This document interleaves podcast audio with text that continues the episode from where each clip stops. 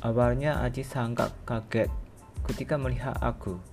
Dia berkata, Pocong, ya iyalah, kamu kira aku selimut. Kya. Dan dia teriak keras dan pingsan. Dasar bodoh. Satu jam kemudian, dia terbangun dan dia mulai bertanya kepadaku.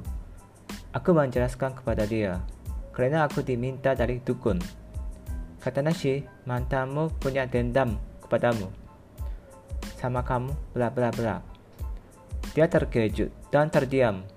Lalu aku berkata kepadanya, Jangan khawatir, aku dibayar menghantui kamu selama satu minggu aja.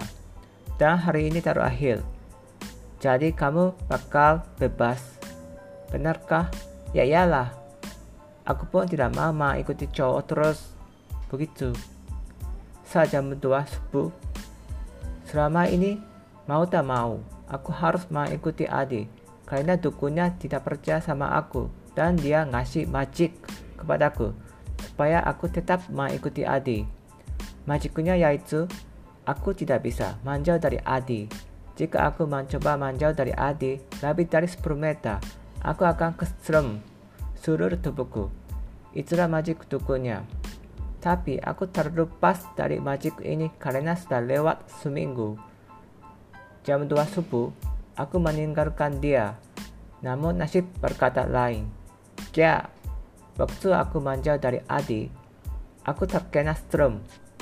Aku bingung karena seharusnya magicnya sudah tidak bekerja lagi, tapi aku tetap ke strom.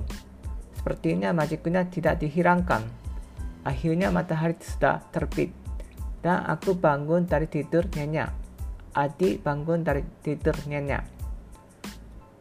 Kapan kamu balik ke Indonesia lagi? Paling tiga tahun lagi sih. Hah, yakin kamu? Kenapa ada masalah? Aku tidak bisa pulang. Kenapa? Aku mencoba menjelaskan nasibku kepada dia. Berarti kamu tidak bisa menjauh dari aku. Ya betul, Kemungkinan besar si Duku mengira aku kabur dan menguatkan majiknya. Aku harus menemui dia supaya majiknya dihilangkan.